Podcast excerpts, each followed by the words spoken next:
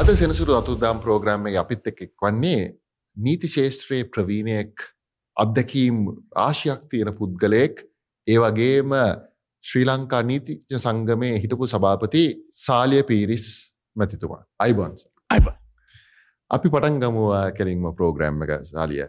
මේ ඔබතුමා හිතන විදියට ලංකාවේ නීතිය ගැන මංහිතන්නේ මේකට පුළුල් මාතෘකාවක්. හැබැයි ලංකාවේ නීතිය ගැන පොඩි කෙටි හැඳින්වීමක් දෙන්නක අපේ ප්‍රේක්ෂකයන්ට. ඒක මහිතන්නේ කෙට්ටි හැඳින්වීමක් දෙන්නත් පහසු නෑ. ඕ ඉතින් අපි නීතිය ගැන තේරුම් ගත්තොත් නීතිය කියන්නේ මේ රටක් තුළ පුද්ගලයන් අනුගමනය කරන්න ඕන්න රීති පද්ධතියක් තමයි අපි කෙටියෙන් හැඳුනුවොත් නීතිය කියලා කියන්නේ. එක වෙනස තමයි වෙන රීතිවට වඩා වෙනස් වෙන්නේ. නීතිය මූලිකව හඳුනල දෙන්නේ පාර්ලිමේන්තුවේ නමුත් නීතිය ක්‍රියාත්ම කරනකොට නීතිය උසාවියට යනකොට නීති අර්ථ නිරූපණය කරන්නේ අධිකරණය. එතකොට අධිකරණය නීතිය නීති අර්ථ නිරූපණය කරනකොට නීතිය පණගන්වනකොට අධිකරණයක් එක පැත්තකින් නීති හදනවා. තොර මූලිකව පාර්ලිමේන්තුව නීති හදනවා නමුත් පාර්ලිමේන්තුවට පහලින් පිහිටිලා තියෙන ආයතන නීති හදනවා අධිකරණයත් එක පැත්තකින් ඒ නීති අර්ථනිරූපණය කිරීම තුළිනුත් අධිකරණයක් නීති හදනවා. එතකොට මේ අපේ රටේ නීතිය නී අපේ රටේ නීති පද්ධතිය සංකීර්ණයි අපිට අපේ රටේ නීති පද්ධතිය මිශ්‍ර පද්ධතියක් තියෙන්නේ අපිට මේ රට ආක්‍රමණය කරපු විශේෂෙන් රෝම ලන්දේසි නිය ලන්දේසින්ගේ රන් ලන්දේසින්ගේ අපරෝම ලන්දේසි නීතිය ක්‍රියාත්මක වෙනවා සමහර පැතිවල සමහරවිට ව්‍යවස්ථාපිත නීතිය සමරිට අධිකරණවල තීන්දු ඒ හරහා අපේ රටේ නීති පද්ධතිය හැදිලා තියෙනවා. ඔවු සාලි එතකොට මේ නීති පද්ධතියේ යාවත්කාලින වෙන්ඩ ඕන ශේෂත්‍රතිය නොද ඔබතුමා හිතන පරිදි. අනිවාර්යම මහිතන අපේ අපේ නීතිය සම්බන්ධින් තියෙන එක පැමිණිල්ලක් තමයි නීතිය ක්‍රියාත්ම කිරීම සම්බන්ධයෙන් අපේ ගොඩක් නීති යල් පැනගිය නීති කියලා. එතකොට අපි ගත්තොත් අපේ රටේ බෙදුම් නඩුවක් අහන්න සමහරිට අවුරුදු විස්සක් තිහක් හතලයක් යනවා බෙදුම් නඩුවක් විස දෙන්න. එතකොට ඒ වගේ නීති යාවත් කාලීන වෙලා නැහැ. අපේ රටේ අපරාධ නීති ගත්තත් අපේ රටේ අධිකරණය ක්‍රියා පටිපාටය ගත්තත් යාවත් කාලීන වෙන්න ඕනේ. ඒ විධ ගොඩක් ශේත්‍ර තියනවා ඒවා යාවත් කාලීන වනේ නැත්තන්. ඒක මේ නීතිය නිසියාකාරෙන් ක්‍රියාත්මක වෙන්න ඇතික යුක්තිය පස්සලීමට බාධාවක් වෙනවා. තකොට සාලිය මේක යාවත් කාලන නොවෙන්ඩ හේතුව මොකක්ද අපි දන්නවා මේක යාවත් කාලන වෙන්න ඕනි කියලා මේ ගැන කතාබහක් දැන් අවුරුදු ගානක් තිස්ස යනවා. ඇයි මේක වෙන්නේ නැ මතන ඒක ප්‍රධාන වශයෙන්ම නීති යාවත්කාරීන කරන්න ඕනේ පාර්ලිමේන්තුවේ. පාර්ලිමේන්තුවේ නමුත් ඒ සඳහා නීතිඥ ප්‍රජාවගෙන් අධිකරන ශේත්‍රය ඉන්නන අනෙක් ස්ටේක් හෝල්ඩර්ස් ලගේ ඒ අයගෙන් යම් ආකාරයකින් ඉන්පුට් එකක් දැනීමක් ලබා දෙන්න ඕනේ පාර්ලිමේන්තුවට. එට පාර්ලිමේන්තුව තමයි නීති හදන්නේ. එට පාතකට ඕන ආණ්ඩුවක් ගත්තොත් ආණ්ඩුවේ න්‍යාය පත්‍රයේ ප්‍රධානම අංගයක් තමයි නීති අදන එක. කොට තියෙන නීති වල අඩු පාඩු මොනවද තියෙන එන්න ඕන අලුත් ශේෂත්‍රවලට අදාළ නීති මොනවද යන අදි වශයෙන් ඒවා අධ්‍යයනය කරලා ක්‍රියාත්මක වෙන්න ඕනේ. අප රට තියෙනවා නීති කොමිසමක් නීති කොමිසම් සභාවත් තියෙනවා. ඒකත් කාර්ය වෙන්නේ මේ ශේෂත්‍ර බලල වෙනස් විය යුතු තැන් බලල නවනීති නිර්දේශ කරන්න. නමුත් ඉතින් අපි පිළිගන්න ඕනේ අපේ ඒ අලුත් නීති සෑදීමේ ක්‍රියාදාමය මන්දගාමි මන්දගාමි ඒක ඒ නීති අලුතෙන් හැදෙන එක අපි බලාපොරොත්තු වෙන තරං ඉක්මනින් වෙන්නේ නෑ. එතකොට ඒක තුළ යුක්තිය පස්සලීමට නීතියේ නීතිය ක්‍රියාත්ම කිරීමට බාධාවන් තියෙනවා. එතකොට එක චෝදනාවක් තියෙනවා සාලිය. මංහිතන්න සමස්ත ප්‍රජාවගෙන් මේක මේ ඌමනාවෙන් තමයි මේ මන්දගාමි ස්වරූපයෙන් යන්න. ප්‍රතිපත්ති සම්පාධකයන්ටත් මේක ඇත්තරම අවශ්‍යනය කල ඔබේ තර්කය මොකක්දමත මම හිතන්නේ එය මම හිතන එක එහෙම අපිට කියන්න බැහැ ප්‍රතිපත්ති සම්පාධකයන්ට අවශ්‍ය නැහැ කියලා නමුත් මම හිතන අපි ප්‍රමාණවත්ව අප අවධාන යොමු වෙලානය මේ අලුත් නීති යාවත් කාලන්න කිරීම ගැන අපි සරලුදාහරණයක් ගත්තොත් මේ රටේ දෙක්ක සාධ නීතිය මිනිසුන් සාමාන්‍ය මිනිසුට බලපාන නීතියක් අපිට තාමත් අපි අනුගමනය කරන්නේ එක පැත්තකින් සාමාන්‍ය නීති යටතේ ගත්තොත් අර රෝ රෝමලන් දෙසි නීති කාලයෙන් සිට එන නීති තමයි අනුගමනය කරන්නේ. දොර අප රට දික්කසාද වෙන්න නම් තාමත් සීමිත හේතුන් මත තමයි දික්කසාද වෙන්න පුළුවන්. දෙපාර්ශවය කැමැත්තෙන් දික්කසාද වෙන්නත් බෑ. දෙපාර්ශවයේ මේ විවාහය කඩ බිඳ වැටිලනම් ඒ මතම දික්කසාද වෙන්නත් බැහැ සාමාන්‍ය නීතියට උඩර නීතිීට වඩ වෙනස් සාමාන්‍ය නීතියටද එහෙම කරන්න බෑ. ඉතිං ඒ තත්ත්වය ගත්තොත් මේ නීති වෙනස් වෙන්න ඕන නිර්දේශ කෙරලා තියෙනවා විටිං විට නිර්දේශ කරලා තියෙන. නමුත් ඒක ඒව පාලිමේන්තුට ගෙනල්ල ක්‍රියාත්මක වෙන්න දැනුත් අපි ගැන කතා කරනවා ඉගැන මහිතන්නේ අධික නමාත්‍යංශත් කතා කරනවා අලුත් නීතියක් ගේනෙක් ගැන. නමුත් යම් ඒ ප්‍රමාදයක් තියනවා එක මහිතන අපි ප්‍රතිපත්ති සම්පාදකයන්ට විතරක්ම පටවන්න බෑ හැබැයි අපි පා තේරුම් කනවන පාර්ලිමේන්තුවේ ප්‍රධාන කාරයක් තමයි නීති සෑදීම. කොට පාර්ලිමේන්තුවෙන් ඒ කාර්ය ඇත්තටම වෙනවද කියන එක සා අර්ථාන්විත වෙනවාද කියන එකත් ප්‍රශ්නයක්. මොකද ඇත්තටම වෙන්න ඕනේ පාර්ලිමේන්තුවේ මන්ද තුළ මේ මන්ත්‍රීවරුන් මේ සම්මත කරන නීති එක අධ්‍යනය කරන්න පාලිමින්තු විවාද තියෙන්න එක ප්‍රධාන අරමුණක් තමයි මේ නීති හදනකොට නීතිවල හොඳ නරක විය යුතුද නැද්ද කියන එක තර්ක කර විතර්ක කරන එක. ඒක අපේ ව්‍යවස්ථාදායකින් වෙනවද කියන එක ප්‍රශ්නය. ඒක දැනුම පිළිබඳ ප්‍රශ්නයක් වෙන්නත් පුළුවන් ඒක මහිත දැනුම පිළිබඳව ඒ පිළිබඳව තියෙන ඒ අයට ලබාදීලා තියෙන පුහුණුව ඒ ගැටලෝ. එතකොට මේ නීති ශේෂත්‍රයේ විශේෂත්නයක් හැටියට මංහිතන්න ගොඩාක් පුළුල් අධ්‍යනයක් ලබ පුද්දලෙක් හැටියට මේ කලාපිය රටවල් එක්ක බැලුවොත්. අපි කොතන දින්න අපේ නීති පිළිබඳවත් අපේ නීති වලින් එක්කෝ ඉස්සරාට යන්න නම් මේ ඕන විදිකට දැන් අපි දන්නවා ආයෝජකෙන වුණත් එද්දී ප්‍රථමම බලන දෙයක් තමයි මේ ඊස් of doing business. හරිද එතකොට මොනවාගේද මේ ලෝන් ඩෙමොක්‍රසි තියෙන්නේ කියන එක අනිවාර්යම බලනවා. එතකොට මේ කලාපය රටවල් එක සංසන්දනය කරාම සාලිය අපි කොතනද ඉන්නේ?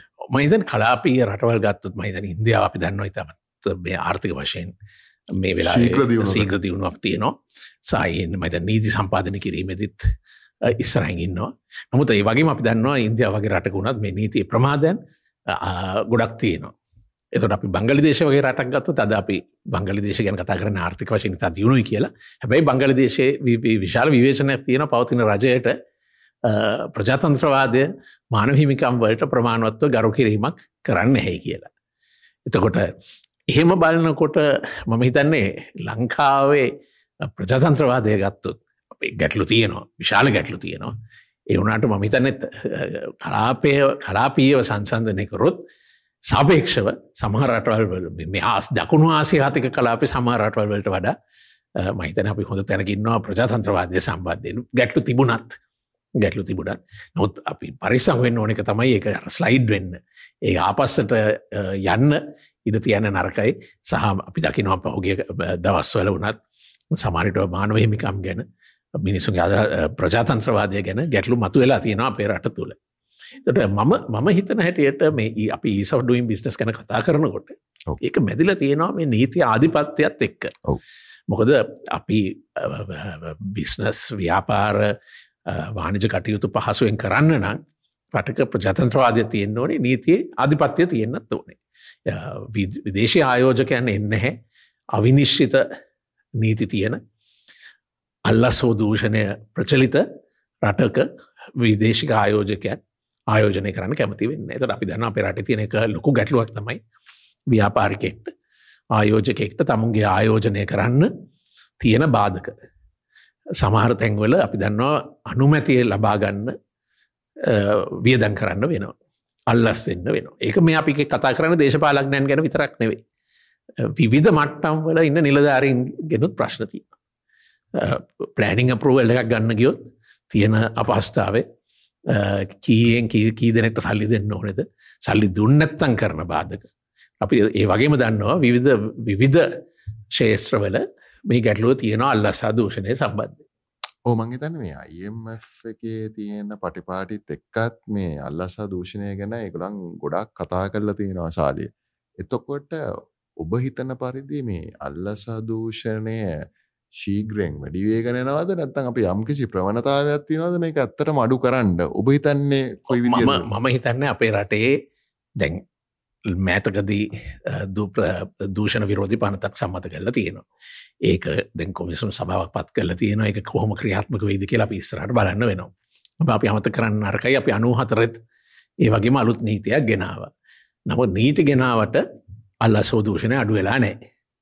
මම හිතන මෙතනදී ප්‍රශ්න තියෙන්නේ අපි නීති ගේන්න පුළුවන්.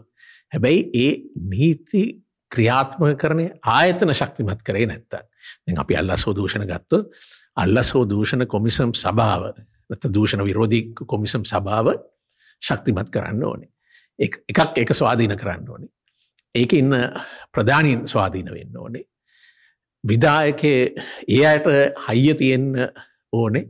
විදා ඉහළම විදායක නිලධාරීන්ට විරුද්ධ වනත් යන්න. මක හොඳ මුදාහරණ තම අපි දන්න පහුගිය සත් මාස කීපය තුළ සිංගපූර්ුවේ.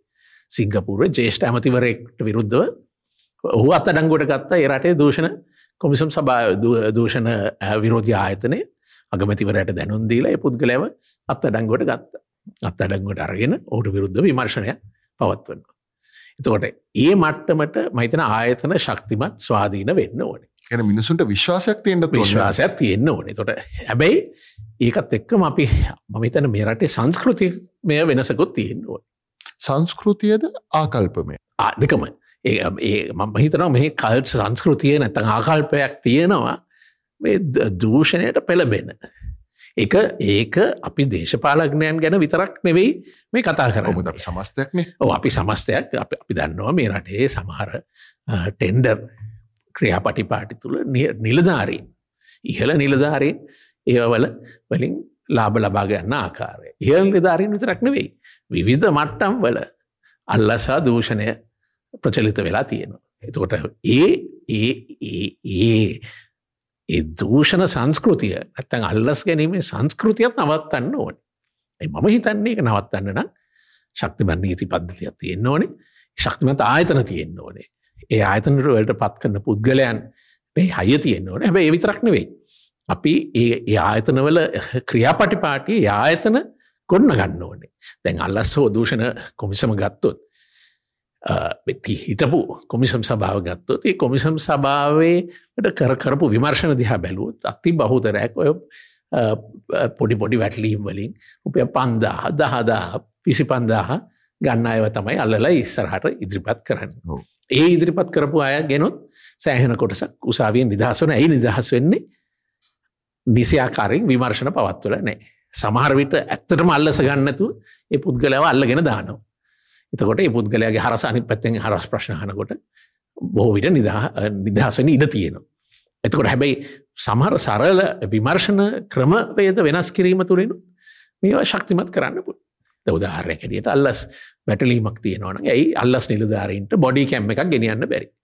බොඩි කැම්මයක් ගෙනනිච්චනගේ අල්ලස ලබා දෙන වෙලාවේ ඒක කැමරගත වුණාම මමිතන විත්තිකාරයට වනත් විත්තිවාචකයක් නැතිවෙන.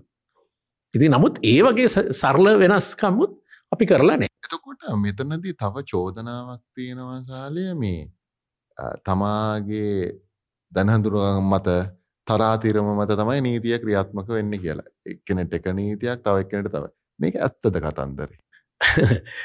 අපේ සෛද්ධාන්තිකව සියල්ලම නීති ඉදිරිය සමාන වෙන්න ඕනේ. මේ එංගලන්තේ කියවනත් තියෙනවා.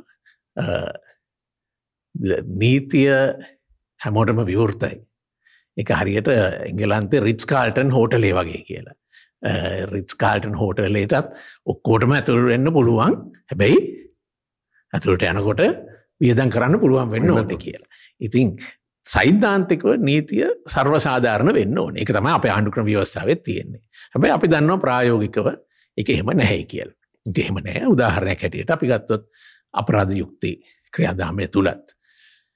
වඩා විත්තිකාරෙක්ට වනත් ඔහුට තමුගේ නීතිඥවරු වෙනුවෙන් වඩා ප්‍රවීන වඩා ජේෂ්ඨ නීතිගනෙක්ගේ සේවය ලබා ගන්න පුළුවන් වෙන්න වෙන්නේ ඔහුට යම් ගාස්සු ගෙවන්න පුළුවන් වුණොත්. අපි දන්න ඒ නිසාම තමයි වඩාම මේ යුක මේ ක්‍රියාදාමය තුළ පීඩාවට පත්වෙන්නෙත් සාපේක්ෂව අඩු පහසුකම් තියෙන අඩු ධනයක් තියෙන අඩු දැනුමක් තියෙන පුද්ගලයන් තමයි පීඩාවට පත්වෙන්නේ. ඉතින් අපි ඒ මහිතන අපේ අපේ නීතිය සර්වසාධාරණය කිරීමේ එක අරමුණක් වෙන්න ඕනේ මේ පීඩාවට පත්වෙන පුද්ගලයන්ට අවශ්‍ය කරන නීතියේ ශක්තිය එයට ලබා දෙන්න. අපේ ක්‍රම තියෙනවා. නීති ආධාර ක්‍රම තියෙනවා උසාවියේ නීතිඥවරු පත් කරනවා රජෙන් පත් කරනවා. නමුත් ඒවා ඒව වලින් මම හිතන්නේ නීතිය සර්වසාධාරණ වෙලා තියෙනවා කිය කියලා අපිට කියන්න බෑ. එක තමයි අතාර ඒක තමයි අතාර. ඒක ඒක හැබැයි ඒක ඒක අපි ලංකා විතරක් නෙවී. ලෝකෙම තියෙන ප්‍රශ්නයක්. නීතිය කොච්චර සර්වසාධාරණ විය යුතු වනත් ප්‍රායෝගිකව හැමෝටම ඒ සමාන සාධාරණයක් වෙන්නේ නෑ. හොඳයි දැන් අපි දන්නවා තාක්ෂණය ගොඩාක් දියුණුයි නිසාලිය. අපි ඊය දකින තාක්ෂණමේ අද තියෙන්නේ. දැන් මේ ආටිවිශල් ඉන්ටලිජන්ස් හරහාත් විවිධාකාර වූ අවස්ථා වගේම ලොකු ගැටලුකාරි තත්ත්වයන් වලටත් එන්න පුළුවන් ඩීප් ෆේක් වගේ ටෙක්නෝජී වගේ දේවල්. එතකොට මේ ලංකාව වගේ රටකට අපිට තාක්ෂණය නැතුව ඉස්සරහට යන්න බෑ. ලංකාවේ තාරුණ්‍යත් ගොඩක් තාක්ෂණයත් එක්ක ඉන්න කැමතියි. එතකොට අපිට මේ තාක්ෂණයත් එක්ක තියෙන අවස්ථා වගේම ඕකේ එන ගැටලුකාරී තත්ත්වයන් වලට මුහුණ දෙන්නත් අපේ නීති පද්ධතියේ ක්‍රමවේදය දැන් ලෑස්තිද මම හිතන්නේ මම හිතනේම අපි තාවමත් අපි නීති පද්ධතියේ මට්ටමට දියුණු වෙලා නැහැ ඇතකොට අපි කියමු මේ ආටිෆිශල් ඉන්ටෙලිජන්ස් ගත්තත් ඒ වනියාමනය කරන්න ඕන නීති පද්ධති තාක්ෂණය සම්බන්ධයෙන් තාක්ෂණ නියාමනය කරන්න ඕන නීති පද්ධති මංහිතන්නේ ලංකාව තියෙන්නේ සාපේක්ෂ ප්‍රාථමික අධියරයක. ඇබ අපි දන්නවා අපි ඩේට ප්‍රඩක්ෂන් සම්බන්ධය නීතියක් මිට අවුරුදු දෙහකට විතර ඉස්සෙල්ල සම්මත කර. එතකොට ඒවත් තාම ක්‍රියාත්මක වෙමින් පවතිනවා. අපේ තාක්ෂණය භාවිත විශේෂ මරි කතා කරන්න පුළන් මගේ අපේ ශේත්‍රයේ අධිකරන ශේත්‍රයේ ඩිජිටයිසේෂන් කියන එක ඒ ඉතාමත් මන්දගාමීව සිද්ධ වෙන්නේ. ඇත්තරම අපිට ඕන්නන් මේ රටේ නීති පද්ධතිය ඉක්මං කරන්න අධිකරණය තීන්දු තීරණ ලබාදීම ක්‍රියාත්ම ඉක්මං කරන්න ඕන්න මමිතන්නේ එක වැදගත් පියවරක් තමයි මේ ඩිජිටයිසේෂන් අධිකරණට ෆයිල් එකක් හොයාගන්න ෆයිල්ලයක් හොයාගන්න පවා තියෙන ප්‍රමාදය මම මම මම නිරීක්ෂණය කරා ලගදී එක්සත රාජධානයේ නඩ්ඩු අපරාධ නඩු අහනකොට සමනිට පිල් එක සියලු දේවල් ඩිජිටයිස් කරලා තියෙන්නේ. එතකොට පහලුසාාවෙන් ඉහලුසාාවට පිල්ල එක යනවා කියන්නේ ෆයිල් එක ඔන්ලයින් ෆයිල් එක යවන එක තමයි පිල් එක ගොුණු කරලා යවනවා කියන්නේ. තකොට එකෙන් කාල ඉතුරු වෙනවා. කාල ඉතුරු වෙනවා අපිගම විනිශකාරවරවරගේ අඩු තීන්දුවත් තියෙන ඒව ප්‍රමාද වෙලා තියෙනවන්න ඔටෝ මතක් කිරීමක් යවන සිිස්ටම් එක.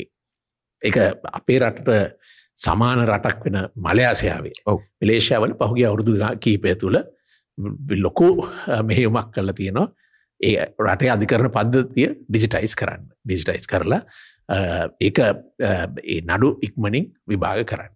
ඇත වශයම මම හිතන එක තමයි නඩු ඉක්මනින් විභාග කරන එක නීතික්න වෘතියටත් හොඳයි. මොකද ඒ ඒකෙන් වෙන්නේ මේ නීතිම නීති වෘීතික්න වෘතිය ගැන අධිකරන පද්ධතිය ගැන මහජන විශ්වාසය වැඩි වෙන එකයි. ඕනම මම විශ්වාස කරන එක තමයි මේ රටේ තියෙන පරපත්තල අභියෝගයක් තමයි මහජන විශ්වාසය පබ්ලික් කොන්ෆිඩන්ස එක නැතිවීම අපේ ආයතන කෙරෙහි. ඒ ඒ අපේ රට කෙරෙහි අපි දන්න අපේ රටේ මෙච්චර ප්‍රමාණයක් මේ රට දාලයන් හදන්නේ ඒගේ බලාපොරොත්තු කඩවෙ ලසුන් වෙලා තියෙන නිසා. එතට මමිතන ඒ ඒ මහජන විශ්වාසය ආයතන කෙරෙහි ඇති කරන එක අතිශයම වැදගත් කියලා. ඔව එතකොට අපි තාක්ෂණය ගැන කතා කරදදි අනිත් අපිට අමත කරන්න බැරිදි ඇත්තින මේ බුද්ධිමය දේපල ගැන ගොඩක් කලාට සිින්දුවක් වෙන්න පුළුවන් චිත්‍රයක් වෙන්න පුළුවන්. ඕනම දෙයකින් තමාගේ මේ බුද්ධිමය දේපල කෝමද ආරක්ෂා කරන්න කියලා එකක් ඇවිල්ලා නිර්මාණකරුවන්ටත් මහිතන්නේ දැනුමක් ටිකක් අඩුයි. ඒ වගේම ඒ වටපිටාව උත් හරියට හැදිලනෑ ඔබේ අදහස මොකක්දේ ගැන? අපේ රට නීති පද්ධතිය තියෙනවා සම්බන්ධයෙන්. ඒ සම්බන්ධ කලිනුත් නීතියක් තිබයික සංශෝධන කලා අලුත් නීතියක් ගෙනල්ලත් තියෙනවා. මේ රටේ බුද්ධිම දේපල නඩු අහන්න පුළුවන් සිවිල් නඩු නං වානිච මහධිකරණේ නැත්තං අපරාධ නඩුවක් නං මහිස්ත්‍රාත් අධිකරණේ ති මමිතන්නේ එකක් තමයි ආපහු මේ නීතිය අධිකරණයට යාමට තියෙන අභියෝග උසාවිය නඩු පවරලා ඒ තියෙන අභියෝගත් එක්ක තමයි ගොඩක් අය ඒවා තමුන්ට තියෙන අයිතිවාසිකම් ක්‍රියාත්ම කරන්න උනන්දු වෙන්නේ නැත්තේ. නමුත් ඒ නීතිය රාමුව හැදිලා තියෙන තියෙනවා. තියෙනවා මම හිතන්නේ ඒක ඒක ප්‍රමාණවත් අ, ඒ පිළිබඳව කවුරුන් උසාවි යන්න ඕන නම් තමුන්ගේ අයිතිය තහවුරු කරන්න ඒ නීතිය අ, ප්‍රතිපාදන තියෙනවා. සාලිය ඊළඟ කාරණය තමයි මේ මූලික අයිතිවාසිකන් උල්ලංඝනය කිරීම පිළිබඳව. අපි දකිනවා සමාජ මාධ්‍ය ජාල හරහත් අ, එතකොට සම්ප්‍රදායික මාධ්‍ය ජාල හරහත් මේ ගැන ගොඩාක් කතා කරනවා. එතකොට මේ ඇත්තට ඔය කියන විදිහ අනුව මූලික අයිතිවාසිකන් උල්ලංඝනය වෙනවද ඔය තරමටම ඒකට නීති පද්ධතියක් නැද්ද? එහෙම නැත්නම් ඒ තියෙන නීති පද්ධතිය ක්‍රියාත්මක වෙන්නේ නැද්ද? නැත්නම් මේ ගැන මොකක්ද ඇත්ත තත්ත්වය? ඔව් එතකොට අපි මූලික අයිතිවාසිකම් කියන්නේ පුළුල් ශේත්‍රයක් නේ. ඔව්. ඒක සිතීමේ නිදහස අදහස් ප්‍රකාශ කිරීමේ නිදහස සිට වද හිංසාවේ නිදහස අත්වනු මතික වත් අඩංගොට ගැනීමට තියෙන නිදහස සමාගමේ නිදහස රැස්වීම නිදහසේ ඔක්කොම මූලික අයිතිවාසිකම්. හැබැයි මම කැමති මේ වෙලාවේ අවධානය යොමු කරන්න විශේෂයෙන්ම මේ අත්තඩංගුවට ගැනීමට අත්තනෝමතික අත්තඩංගුවට ගැනීමට එරෙහිව සහ වදහිංසාවට එරෙහි නීති සම්බන්ධය. මූලික අයිති ඒ මූලික අයිතිවාසිකම් දෙක. අපේ රටේ තියෙන යථාර්ථය තමයි අ, පොලිසියට විරුද්ධව විවිධ අවස්ථාවල චෝදනා තියෙනවා. මේ චෝදනා වෙලා තියෙනවා අමානුෂික ආකාරයට වදහිංසාවට පුද්ගලයන්ව ලක් කරනවා කිය. එතකොට අ, ඒ වගේම තමයි අත්ත නෝමතිකව අත්තඩංගුවට ගැනීම සම්බන්ධය. දැන් විශේෂම අපි කතා කරන්න ඕනේ මේ දවස්වල අර යුක්තිය මෙහෙයුම කියලා මෙහෙයුමක් යන වෙලාවේ සමහරුව ඒවට අප්පුඩි ගහනවා මේක ඉතා හොඳ දෙයක් කියලා. ඒ වුණාට ඒ අපි මතක තියාගන්න ඕන එක තමයි ඕනම බල ඕනම බලදරෙක්ට ඕනවට වඩා වැඩියෙන් බලයක් දුන්නොත්. සීමා රහිත බලයක් දුන්නොත් ඒ බලය අනිසි ලෙස පාවිච්චි වෙන්න තියෙන ඉඩකඩ වැඩි. ප්‍රවණතාවය වැඩි. ප්‍රවණතාවය වැඩි. ඒ නිසා තමයි බලතල ක්‍රියාත්මක කරන්න බලය බලය තියෙන්න ඕනේ. නමුත් ඒවට සීමාවන් ඒවට චෙක්සන් බැලන්සස් තියෙන්න ඕනේ. එට පොලිසියටත් ඒ අදාළ වෙනවා. මේ රටේ පොලිසිය ස්වාධීන වෙන්න ඕනේ. ඒක දේශපාලන අත කොළුවක් වෙන්නත් බැහැ. පොලිසිය මීරවට අප ශ්‍රේෂ්ඨ අධිකරනයම කියලා තින පොලිසිය මීරවට වෘත්තීම ප්‍රොෆෙෂනල් වෙන්න ඕනි කියලා ඒ. කටයුතු වල. එතට ඒක ඒ- එතනදී අපි පොලිස් නිධාරින් ගානකට ගන්නාවට කතා කරනවා ඒ පොලිස් නිධාරිත විශාල ප්‍රශ්නයක් තියෙන තමුන්ගේ උසස්වීම් සම්බන්ධයෙන් ඕයිසි පත්වීම් ලබාගන්න තම ඔවුන්ට සිද්ධ වෙලා තියෙන දේශපාලක්නෙන් පස්සෙන් යන්න. එතකොට ඒ නිලධාරීන් අපි එම්පව කරන්න ඕනේ. ඒ ස්වාධීන කරවන්න ඕනේ. හැබැයි ඒ එක්කම ඒ අය පොලිසිය නියාමනය කරන ක්‍රම්වේදයකුත් තියෙන්න ඕන. එතට ඉහළම මට්ට මේ සිට ඒ පොලිසිය විනය තියෙන්න ඕනේ. පොලිසියට තමුන්ගේ බලය නී- නීත්‍යයනකූල බලය ක්‍රියාත්ම කරන්න ස්පේස් එකක් ඉඩකඩ තියෙන්න ඕන. ඒක ගැන ගැටලුවක් නෑ. ඒ අයට දේශපාලන වශයෙන් මැදිහත්වීම් අනවශ්‍ය මැදිහත්වීම් තිබ- තිබිය යුතු නැහැ. නමුත් ඒ පොලිසිය නියාමනය කරන්න ඕනේ සහ පොලිසිය නීතිය රාමුව තුළ තමයි කටයුතු කරන්න ඕනේ ඒමුණේ නැත්ත. මේ රටේ පුරවැසයන්ගේ ආරක්ෂාව පිළිබඳ ප්‍රශ්නයක් වෙනවා. තම ඔබට- ඔබගේ දරුවන්ට ඔබේ සහෝදරයන්ට පාරය බැහලා යන්න බැරි තත්ත්වයක් ඇති වෙනවා. පොලිසිය තමුන්ගේ බලය අනිසි විදියට ක්‍රියාත්මක කර. ඔවු සාලේ මංගේද යුක්තිය ගැන කතා කරද්දී අපිට අමත කරන්න බැරි තව වැදගත් වචනයක් තියෙන සාධාරණත්වය නේද? අනිවර එතකොට ඒක සමාල්ලාට අපිට අමතක වුණොත් ලොකු ප්‍රශ්න ගොඩකට මුණ පාණ්ඩව ඒවිතරක්නවේ අප යුක් යුක්තිය කියන නම තුළ මම කියන යුක්තිය මෙහියුම ගැන නෙවේ ඔව්. නො ජස්ටිස් කියන එක තුළමත් සාධාරණත්වය තියෙන්න ඕනේ අනිවාර්ය සා- ඒ දෙක ඒ දෙක එකට යන්නේ. එනිසා තමයි අපි කියන්නේ යුක්තිය කොටසක් තමයි සාධාරණ නඩු විභාගයකට තියෙන අයිතිය. ඒ නිසා තමයි අපි අනුමත කරන්න ඇත්තක ඔයහරි ඉන සේවය කරන එස්සයි කෙනෙක්ට නැතන් ඒස්ප කෙනෙක්ට තීරණයක් ගන්න බෑ පුද්ගලගේ ජීවිතය ගැන. එක නිසි ක්‍රියාපටිපාටයක් තියෙනවා. එහෙම උනේ නැත්තං වෙන්න වෙන්න පුළුවන් දේ තමයි රට අරාජික වෙන. ජනතාවගේ සමහර කොට්ටාසයක සාලිය තියෙනවා මතයක් මේ රටක් දියුණු වෙන්ඩනම් රටක් ගොඩදාන්ඩ නම් ප්‍රජාතන්තවාදී වෙලා වැඩක් නැහැ කියලා. ගොඩක් වෙලාවට ලීකුවන් නියෝලාගේ හිටලලාගේ විවිධාකාර නම් කරලියට එනවා. මේක ඇත්තද. ඕ දැන් එක තර්කයක් තමයි අර දැඩි දැඩි නායකෙක් ඉන්න ඕනේ මේවා ගැන මේ රට හදන්න ඉන්න ඕන මේ වගේ ඕනේ. නිකං හයිය තියෙන නම්්‍යශීලී නොවන පුද්ගලේ. එතොර එක තර්ක තමන්ට මට ඇහිල තියෙන මේ මේ- වගේ සාකච්ඡවලත් සමරය හන එක තමයි අරාජිකත්වයද ඒ අධිපතිද ද එහනම් වඩා හොඳයි ඒ අධිපති භාවයට යනේ කියලා අරාජිකත්වයට බා වඩ. මම හිතන හැටියට ඒ දෙකම නෙවෙයි. ශක්තිමත් ප්‍රජාතන්ත්‍රවාදයක් තමයි රටක් උත්ක දීර්ඝ කාලීන පැවැත්ම තියෙන්. තිරසාර පැවත්ම මම හිතන මං හිතන හැටියට මේ රට වර්ධනය දියුණු කරන්න නෝන්න තිරසාර දියුණුවකට යන්න ඕන්න මේ රට ශක්තිමත් ප්‍රජාතන්ත්‍රවාදයකට යන්න ඕනේ. ඒක තුළ මේ අපි කතා කරන නීතිය පාලනය අධිකරණය ස්වාධීනත්වය මිනිසුගේ අයිතිවාසිකම් වලට ගරු කරන එක ශක්තිමත් වෙලා තියෙන. මම හිතන හැටියට රටක පාලකයන් ඒ රටේ මිනිස්සුන්ගේ මානව ගරුත්වයට අර ගරු කරන්න ඕනේ. ලගදි ශ්‍රේෂ්ඨාධිකන නඩු තීන්දුකුත් මේ ගැන කතා කරනවා හිවමන් ඩිග්නිටි කියන එක. මානව ගෞරවය මානව අභිමානනය ඒකට ගරු කරන්න ඕනේ. එහෙම ගරු කරන්න ඇති පාලකයන්ගෙන් මම හිටන් හිතන්නේ රටේ තිරසාර දියුණුවක් බලාපොරොත්තු වෙන්න පුළුවන් කියල්. සාලේ ඊළඟ ප්‍රශ්නය තමයි මේකත් ගොඩක් කතිකාවකට ඇවිල්ලා තියෙනවා දැන් අපේ මේ අධ්‍යාපන ක්‍රමයේ විෂයමාලාව තියෙනවා. හැබැයි මේ විෂයමාලාවේ කොතනකවත් අපිට මේ නීතිරීති ගැන උගන්නන්න නෑනේ. මොකක්ද මේ නීතිය කියනෙ ගොඩක් කලාවට අපි එක්කෝ නීතිඥ ගවට යන්න ඕනේ නැත්නම් ප්‍රශ්නයක් වැටුනම තමයි ප්‍රශ්නයෙන් ගොඩ එන්න ක්‍රමය. මොකක්ද ඔබේ අදහස මේ සම්බන්ධ? ඔමම හිත මං හිතන හැටියට නීතිය ඉතාමත් සරල ආකාරයට පාසල් මට්ටමේ සිට නීතිය ගැන දැනුම් දැනීමක් ලබා දෙන්න ඕන. එතරම රටේ ආණ්ඩුක්‍රම ව්‍යවස්ථාව ගැනත් අපි පාසල් මට්ටමේ සිටම උගන්නන්න ඕනේ. ඒක උගන්නන්න ඕනේ මේ සිලබස් එක. එකක් එහෙමම නෙවෙයි.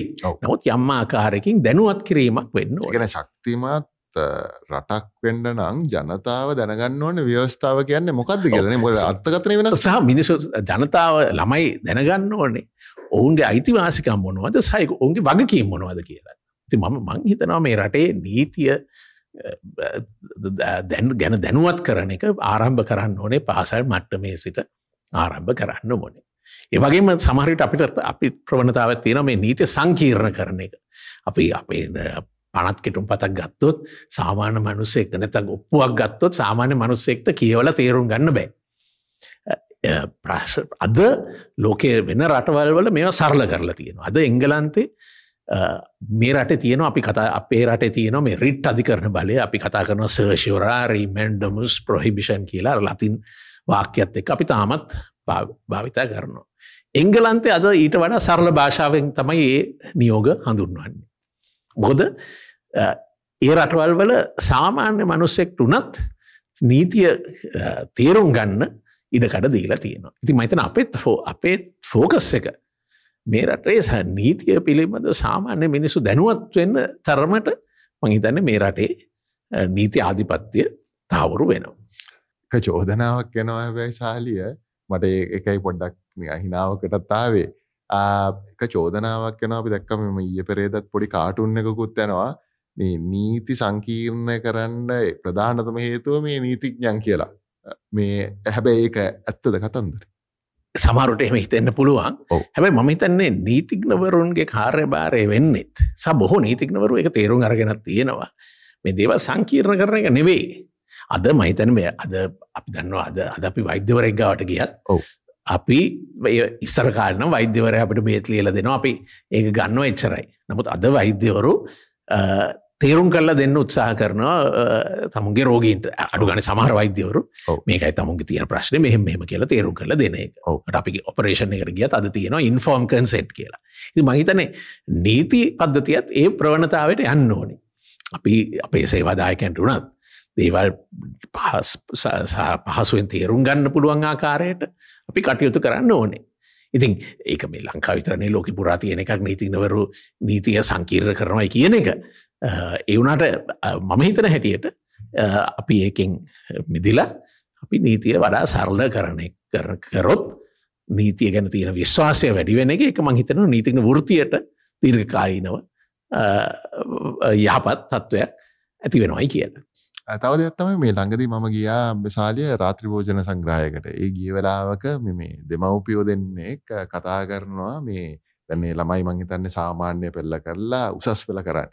උසස් පෙළ කරන්න ගියාම මේ ළමයි දෙන්න කියනවා අපිට ඕනේ ලෝය කෙනෙක් වෙන්න කියලා. එතකොට ඒ කතාබහේ ආපු දෙයක් තමයි මේ ලංකාවේ ලෝයස්ලා වැඩි ඔයාට ප්‍රැක්ටිස් කරන්න ඉඩක් නැති වෙයි නඩු නැති වෙයි ගොඩක් අය ලෝවලට යනවා කියලා. මොකක්ද ඇත්ත තත්ත්වේ? ඕ ඇත්ත වශයෙන්ම මහිතන එතන්ද තියෙන්නේ මේශය නීතිය. දැන් අපි නීතිය ගැන නීති ශේත්‍ර ගැන හිතනට උසාවි ගැන විතරක් හිතන්න ඕනේ නැහැ. ඔව්. අද නීත නීතිය සම්බන්ධයෙන් උපදේශන සේවා ලබා දෙන එක පෞද්ගලිකාංශය සමාගම්වල පවා එච්චාර්වල ඔව්. ඒ වගේම අපි කෙමු දැම් මේ කාලේ අපි කතා කර ශේත්‍රයක්න ආදායම් බදු ගැන ඉදරේ ආදායම් බදු ශේත්‍රයේ ඒ ඒ ශේත්‍රවල නීතිග්නවරුන්ට ගේ විෂය පතයට ඒ ශේත්‍රත් අදාළ වෙනවා. තොට අපි අධිකරණවල පෙනී සිටින නඩු පෙරවල පෙනී සිටීම විතරක් බැලුවොත් ඔය කතාව හරි වෙන්න පුළුවන්. එහෙම එම අපේ වෘතිය තුළත් සමහර පේ වෘති කැන එහෙම හිතනවා එම හිතනවා නීතික්නවරු සංඛ්‍යාව වැඩි එම වැඩි ඒ නිසා සීමා කරන්න ඕනේ කියලා. මම හිතන දේ තමයි සමහරව අපිට කෘත්‍රිමව සීමා කරන්න බැහැ විශේෂෙන්ම මේ නීති ඉගෙන ගන්න එක අපිට සීමා කර කරන්න බෑ කළ යුතුත් නෑ. නමුත් අපි හොයාගන්න ඕනේ මේ වෘතියට ඇතුල් වෙන නීතිග්නවරුන්ට අලුත් ශේෂත්‍ර සයෝ තමුන්ගේ දායක වෙන්න පුළුවන් අලුත් ශේත්‍ර අපි ඇති කරන්න ඕනේ ඒවට ඒ හඳුන්වල දෙන්න ඕනේ එතකොට එහෙමුණොත් මම හිතන්න ඔය කියන ප්‍රශ්නය මතු වෙන්නේ ඔවු. සරිමං ආසයි පොඩ්ඩක් කතා කරන්න තවත් ගොඩාක් ගැටලුකාරී ගොඩාක් මතබේදවට තුටු දෙන මේ ත්‍රස්තවාදි මර්ධන පනත පටඒ පනත. මේක අර ඉංග්‍රිශලගෙන ඩ්‍රකෝනියන් වගේ ලෝ එකක් මේක ඇවිල්ලා මේ එකෙක් කෙනාගේ අවශ්‍යතාවයන් වලට තියෙන එකක්. මේක තමයි පහසුම ක්‍රමේ එක්කෙනෙක්ව කොටු කරන්න කියලා. මොකක්ද මේ පනත? ඇත්තරම මේ පනතෙන් පාවිච්චයට යන්නේ ඒ හේතුවලටද ඕ දැන් ලෝ අපි ගත්තුත් අපේ රට ඉතිහාසේ ත්‍රස්තවාදි වැලක්වීම පනත හැත්ත නමේ සිට ඇත්තම හැත්ත අටේ සිට හැත නමේ තමයි දැන් වර්තමාන පනත සිට ක්‍රියාත්මක වෙලා තියෙනවා. එක මුලින්ම හඳුනල දුන්න තාවකාලික විධවිධාන පන්නතක් හැටියට. දැන් අවුරුදු හතලිස් ගානක් වෙනවා මේ නීතිය තමත් පවතිනවා. තකොට අද ඒ නීතියත් විශාල ගැටලුකාරී ශේත්‍ර ගොඩක් තිබුණ. විශේෂයෙන්ම විදායකයට ලබාදීලා තියෙන අත්තනෝ මතික බලය. පුද්ගලයන්ව රඳවත රඳවා තබා ගන්න තියදු ලබාදීලා තියෙන අත්තනෝ මතික බලය. අත් අඩංගොඩ ගන්න පුළුව හැකියාව. අපි දන්නවා එක ප්‍රසිද්ධ අවස්ථාවත් තියෙනවා. මේ රටේ ප්‍රසිද්ධ ගායකෙක් ඉක්දශම්ශ අසූ ගණන්වල අත්තඩංගුවට අරගෙන රැඳුම් නියෝග මත තබාගෙන හිටිය. ත්‍රස්වාදී වැලැක්වීම පනත යටතේ. ඇත්තරම ඒ ගායකයට එවකට හිටිය ප්‍රබල ඇමතිවරෙක් එක්ක තිබ ප්‍රශ්නයක් නිසා තමයි එක වුණේ ඒ ප්‍රශ්නය ත්‍රස්ටවාදී සම්බන්ධයෙන් ප්‍රශ්නයක් නෙවෙයි. ඒ කාන්ත එක කාන්තාවගේ දේපල සම්බන්ධයෙන් ප්‍රශ්නයක් මත තමයි ඒ ගැටලු ඇති වෙලා මේ පුද්ගලයට විරුද්ධව සස්වාදි වැරැක්වීම පනත යටතේ රැඳුම් නියෝග ලබා රැදුම් නියෝක මත හුව රඳවල තිබ්බේ. එට මේ වගේ ත්‍රස්වාදී වැරැක්වින් පනත අවභාවිතා වෙලා තියෙනවා මේ රටේ. දැන් අපි කතා කරන ප්‍රතිත්‍රස්ථ පනතක් ගැන. ඒ අර කලින් පනත්ත නරක නිසා ඊට වඩා හොඳ පනතක්. හැබැයි මේ ගෙන ගෙනල්ල තියෙන යෝජ යෝජිත පනත් කෙටුම් පත ගැටලු ගණන ගණනාවක් තියෙනවා. එතනදිත් වැඩි බලයක් ලබාදීලා තියෙනවා පොලිසියට විදායකයට තොට මේ රටේ තියෙන මේක ත්‍රස්වාද වැලක්වින් පනත ගැන විතරක් නෙවෙයි ICCPR පනත ගත්ත ගැටලුවක් තියෙනවා සාලි ප්‍රශ්නය විල්ලා මේ වගේ පනත් ගේද්දී සමාජයේ කතිකාවතක් මන්දන නීති සංගමය වෙන්න පුළුවන් ශේෂත්‍රීන් අය කතාවක් තියෙනවා තමයි අනිවාර්යෙන්ම හැබැයි මේ සමස්ත ජනතාවට මේ ගැන දැනුමක් නැහැ මේ ගැන තේරුමක් නැහැ. මේක කියලා දෙන්න නැහැ. සමල්ලාට මාධ්‍ය හරා වුණත් මේක උඩින් පල්ලෙන් තමයි යන්න කියලා කතිකාවතක් තියෙනවා. ඇයි එහෙම වෙන්න. මයිතන ඒකට එක හේතුවක් තමයි අපි අපේ රටේ නීති ගේන ක්‍රමවේදය. බොහෝ විට ඒ පිළිබඳ සාකච්ඡා කරන්න නැතු අපි නීතිය ගැන පලවෙනීම දැනගන්න ගැසට් කරනකොට. දැන් ඔය ප්‍රතිත්‍රස්ත පනත ගත්තොත් ගැසට් කරපු වෙලාවෙ තමයි අපි දැනගන්න මේක තමයි නීතිය. අර දැන් ඔන්ලයින් සේෆ්ටි පනත අපි මුලින්ම මේ පනත් කෙටුම් පතේ අන්තර්ගතය දැන්න ගැසට් කරා. එතකොට සමහර රටවල් වල අද නීතිගෙන්නේ ඉස්සෙල්ලා පුළුල් සාකච්ඡාවක් තියලා ඒකට උනන්දුවක් තියෙන විධ පාර්ශවයන්ගේ මත මත විමසලා තමයි කාලයක් දෙනවා. කාලයක් දෙනවා ඒව සලකල බල්ල නීතිගේ ඔව්. මේ හොරේ රහසිගතව හොරෙන් නීතිගෙන ගෙන්නේ නෑ. නොත් අපේ රටේ වෙන්න ගැසට් කරනකොට අපි ද- අප තමයි අපි දන්න වෙන්න මෙහෙම නීතියක් ගෙනල්ලයි කියල. තොර මේ නීති සෑදිමි ක්‍රියාදාමය තුළ ලොකු ප්‍රශ්නයක් තියෙන ත අපි දන්න දැම විශෂම ඔන්ලයින් සේටි පනත ගැන කියනවා ආණ්ඩුවෙන් කියන විදායකෙන් කියන එක තමයි ප්‍රශ්නය නෑ ශ්‍රේෂ්ඨාධි කරනය දැන් මේ පනත් කෙටු පත ව්‍යවස්ථානකූලයි කියලා කියලා තියෙනොයි කියලා. එවුන ශ්‍රේෂ්ඨාධි කරණය පනත් කෙටුම් පත් ගැන බලන්නේ ආණ්ඩු ක්‍රම ව්‍යවස්ථාවත් එක්ක ගැටනවද නැද්ද කියලා විතරයි. ඒ පනත් කෙටුම් පත හොඳද නරකද යහපත් අයහපත්ද කියලා ශ්‍රේෂ්ඨාධි කරනය බලන්නේ නෑ. ඉතින් ශ්‍රේෂ්ඨාධි කරණය පනත් කෙටුම් පත ව්‍යවස්ථානකූල කිව්ව පමණින් ඒ පනත් කෙටුම් පත හොඳ පනත් කෙටුම් පතක් වෙන්නේ නෑ. අපි දැකලා තියෙන ඉතිහාසේ තාමත් නරක පනත් කෙටුම් පත් ශ්‍රේෂ්ඨාධි කරන සමාරවිට කියලා. තියෙන ව්‍යවස්ථානකූලයි කියලා. ඕ මංහිතන්නේ ඒකත් හිතාමත්ම වැදගත්දයක් මොකද දැන් එකතිකින් අපි ගාව අර විහිලෝකට වගේ කියන දෙයක් තමයි මේ ගැසට් ගාන කැසට් ගානවගේ කියලා. සමාරලාට ඒ තරමටම මේ අලුත් අලුත් දේවල් එනවා. අනිදේ තමයි මේ සමාජය තව කතිකාවතත් තියෙන සාරි මං ආසයි ඔබ ඔබගෙන් ඇත්තට මේකන දන මොකද මේක මිනිස්සුන්ගේ තියෙන ප්‍රතිපත්තිමය වශයෙන් ඔත් තියෙන ගැටලුවක් දැන් අපි තුම අපරාධකරුවෙක් ඉන්නවා මිනිමරුවෙක් හරි මොකක්කර චෝදනාල අබපු එක්කෙනෙක්. එතකොට මේ තියෙනවා කතිකාවතක් සමාජයේ මෙච්චර දෙයක් කරපු අපරාධක වෙනුවෙන් ඇයි මේ නීතිඥයෝ පෙනී ඉන්නේ. කියන එක ගැන ලොකු කතාබාක් කැනවා. මොකක්ද මේක තත්වේ. ඕනම ශිෂ්ට සම්පන්න රටක විත්තිකාරයෙක්ට තමුන්ගේ විත්තිවාචක ඉදිරිපත් කරන්න නීතිඥ මාර්ගයෙන් ඉදිරිපත් කරන්න ඉඩකඩ දීලා තියෙනවා. ඇයි ඒ අපි දන්නවා ඕනම රටක අයුක්ති සහගතව මිනිස්සුන්ට විරුද්ධව නඩු පවරණ අවස්ථා තියෙන ලගද ඇමරිකාය හර්තාව නම් පුද්ගලෙක් අවුරුදු හතලිස් අටක් පන්දනා ගාරගත වෙලා පසුව හොයාගෙන තිර ඔහු නිර්දෝෂී කියල හො නිදහස් කර. ඉතින් ඒ එවැනි තත්ත්වයන් වලක්වා ගන්න තමයි අපේ අපරාධනීති පද්ධතිය තුළ නිර්දෝෂි භාවය පූර්වනිගමනය කියලා තියෙන්නේ කැනෙ උපකල්පනය කරනවා හැම විත්තිකාරයම නිර්දෝෂී කියන. තොර උස විත්තිකාරක වැර්දිකාරය කරන්න සාක්ෂිමත. අපි ෆේස්බුක් එක තියෙන දේවල් බලලවත් අපිට ආරංචි වෙන තිය දේවල් මතවත් විත්තිකාරන් වැර්දිකාරය කරන්නේ. ඇයි එහෙම කරන්න ඇත්තේ එහෙම කරන එක භයානකයි. ඒ පුද්ගලයාගේ නිදහසට පුද්ගලගේ ජීවිතයට වෙන්න පුළුවන් හානිය. අපි විශේෂම මතකතියකන්න ඕන අපි කාට හරි මේ වගේ තත්ත්වයක් මුහුණ දුන්නවා. තමයි අපිට තේරෙන්නේ මේක ප්‍රශ්න අපි ෆේස්බුක් එක බල්ල අපිට තීරණය කරන්න පුළන් හවලට දඩුවන් දෙන්න ඕනේ හවලත් දඩුවන් දෙන්න ඕනේ කියලා. නමුත් ඇත්තටම පුද්ගලෙක්ට දඩුවන් දෙන්න ඕනේ සාක්ෂිමත. දියුණු රටවල් වල ක්‍රමවේද හදල තියෙනවා හොඳ විමර්ශණයන් පවත්වන්න. ප්‍රබල විමර්ශණයන් පවත්වල විත්තිකාරය වැරදිකාරය කරන අපේ රට ඉතිහාසය තියෙන අපේ රටේ සමර අපරාධ නඩුවල දක්ෂ විමර්ශණ නිරධාරින් විමර්ශණය කරලා නීති අනුකූඩ විත්තිකාරන් වැරදිකාරය කල්ලා තියෙන.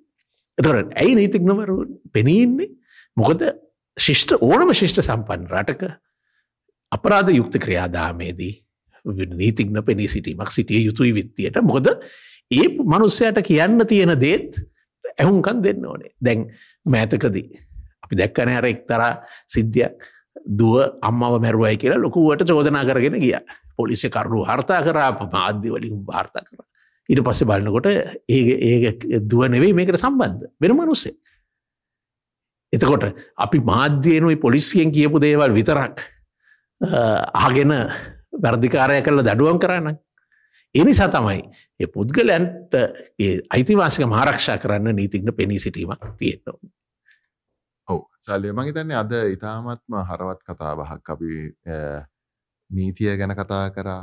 අඩු යම් යම් අඩු පාඩු තිබ්බත් ඒව හදාගන්න ඕන කියලා අපි පිළිගත්තා. ඒ වගේම මංහිතන්නේ මේකට සමස්ත දායකත්වයක් ලබා දෙන්න ඕනේ කියලා අපි ගොඩක් දේවල් කතා කරා. මහිතන්නේ අවසාන ප්‍රශ්නයටයට සාලිමං ආණ්ඩ කැමති මේ නීති ආධාර. ලීගල් ලේට් ගැන. මොකක්ද මේක ක්‍රමවේද කොහොමද යම්කිසි පුද්ගලයට මේ නීති ආධාර ලීගල් ලේට් ලබාගන්න පුළුවන් ගැන පොඩ්ඩක් විස්තර කරොත්තේ ඉගැන අපේ රටේ අපරාධ නඩුවල විෂය මහාධිකරණය නම් තමුන්ට නීතින සහය නීතින ගාස ගෙවල නීතිනවරක ගන්න බැරි නං උසා අධිකරණය පත් කරනවා නීතිංනවරෙක්. තමුන්ගේ විත්තිවාචකය තමුන් වෙනුවෙන් පෙරීන් එතකොට ඒ පුද්ගල ඒ නීතිනවරයට අධිකරණයෙන් තමයි මුදල් ගෙවන්නේ සුළු මුදලක් තමයි ගෙවන්නේ නමුත් එතකොට ඒ නීතිනවරය බැදිල ඉන්නවා ඒ නඩුවට ඔහුගේ වෘත්තීමය සේවා ලබා දෙන්න. අපරාධ අභ්‍යාචනාවල එහෙමමයි අධිකරණය එක නීතින පිරිසිටිව නැත්තන් අධිකරණය නම් කරනවා නීතිනවර. දැන් අපරාධ නොවන නඩුවලදී නීති ආධාර කොමිසම පවතන්න. නීති ආධාර කොමිසම නඩු භාරගන්නවා මේ රට පුරාම රටේ විධ සානව නීති ආධාර කොමිසම කාර්යාල තියෙනවා. නීති ආධාර කොමිසම බලන්නේ ආදායම් මට්ටම බලල ඒ පාර්ශවගේ ආදායම් මට්ටම බලල තමයි ඔවුන්ට නොමිලේ සේවා සැපීමක් ලබා දෙන්නේ. එතකොට අපිට ඒ දීති ආධාර කොමිසමයි එක පැත්තකින් සහ උසාවේ පත් කරන අපරාධනාඩුවල උසාවෙන් පත් කිරීම කරන. එක ගැටුවත් තියෙන මහෙස්සත් අධිකරණය මහෙස්සත් අධිකරණය එහෙම නීති ආධාර ලබාදීමේ ක්‍රියාදාමයක් විදිමත් ක්‍රියාදාමයක් නෑ. එතනදී ප්‍රශ්න තියන තර මහෙස්සත් අධිකරණය පොඩි නඩුවක් පුද්ගලෙක්ට තිබ්බොත් ඔඩ නීතින ගාස්තු දරන්න බැරිනං එතන ගැටලුව තියෙන එතන මහිතන හිඩසක් තියෙනවා. බොහොමත්ම ස්තුතියි සාලීපරි ඉස්මැතිතුමනි. අද සෙලසුරතු දම් ප්‍රෝග්‍රෑම් එක මංහිතන්නේ මේ ප්‍රෝග්‍රෑම් එක බලන් ඉන්න තාරුණ්‍යයටත් මේ ප්‍රෝග්‍රෑම් එක නිරතුරුවම රැදී ඉන්න පුද්ගලයන්ටත් මේ නීතිය කියන්න මොකක්ද නීතිය කොයි විදියට යවත් කාලින්න වෙන්න ඕනෙද? නීතියේ ගරුත්වය රැකෙන පරිදි අපි පුද්ගලයන් හිටියට මොකක්ද කරන්න ඕනේ කියන දේවල් ගැන ගොඩක් කතා කර. ඔබතුමාට බොහොමත්ම ස්තුතියන්තෙනවා අයිබන් කර අයිබ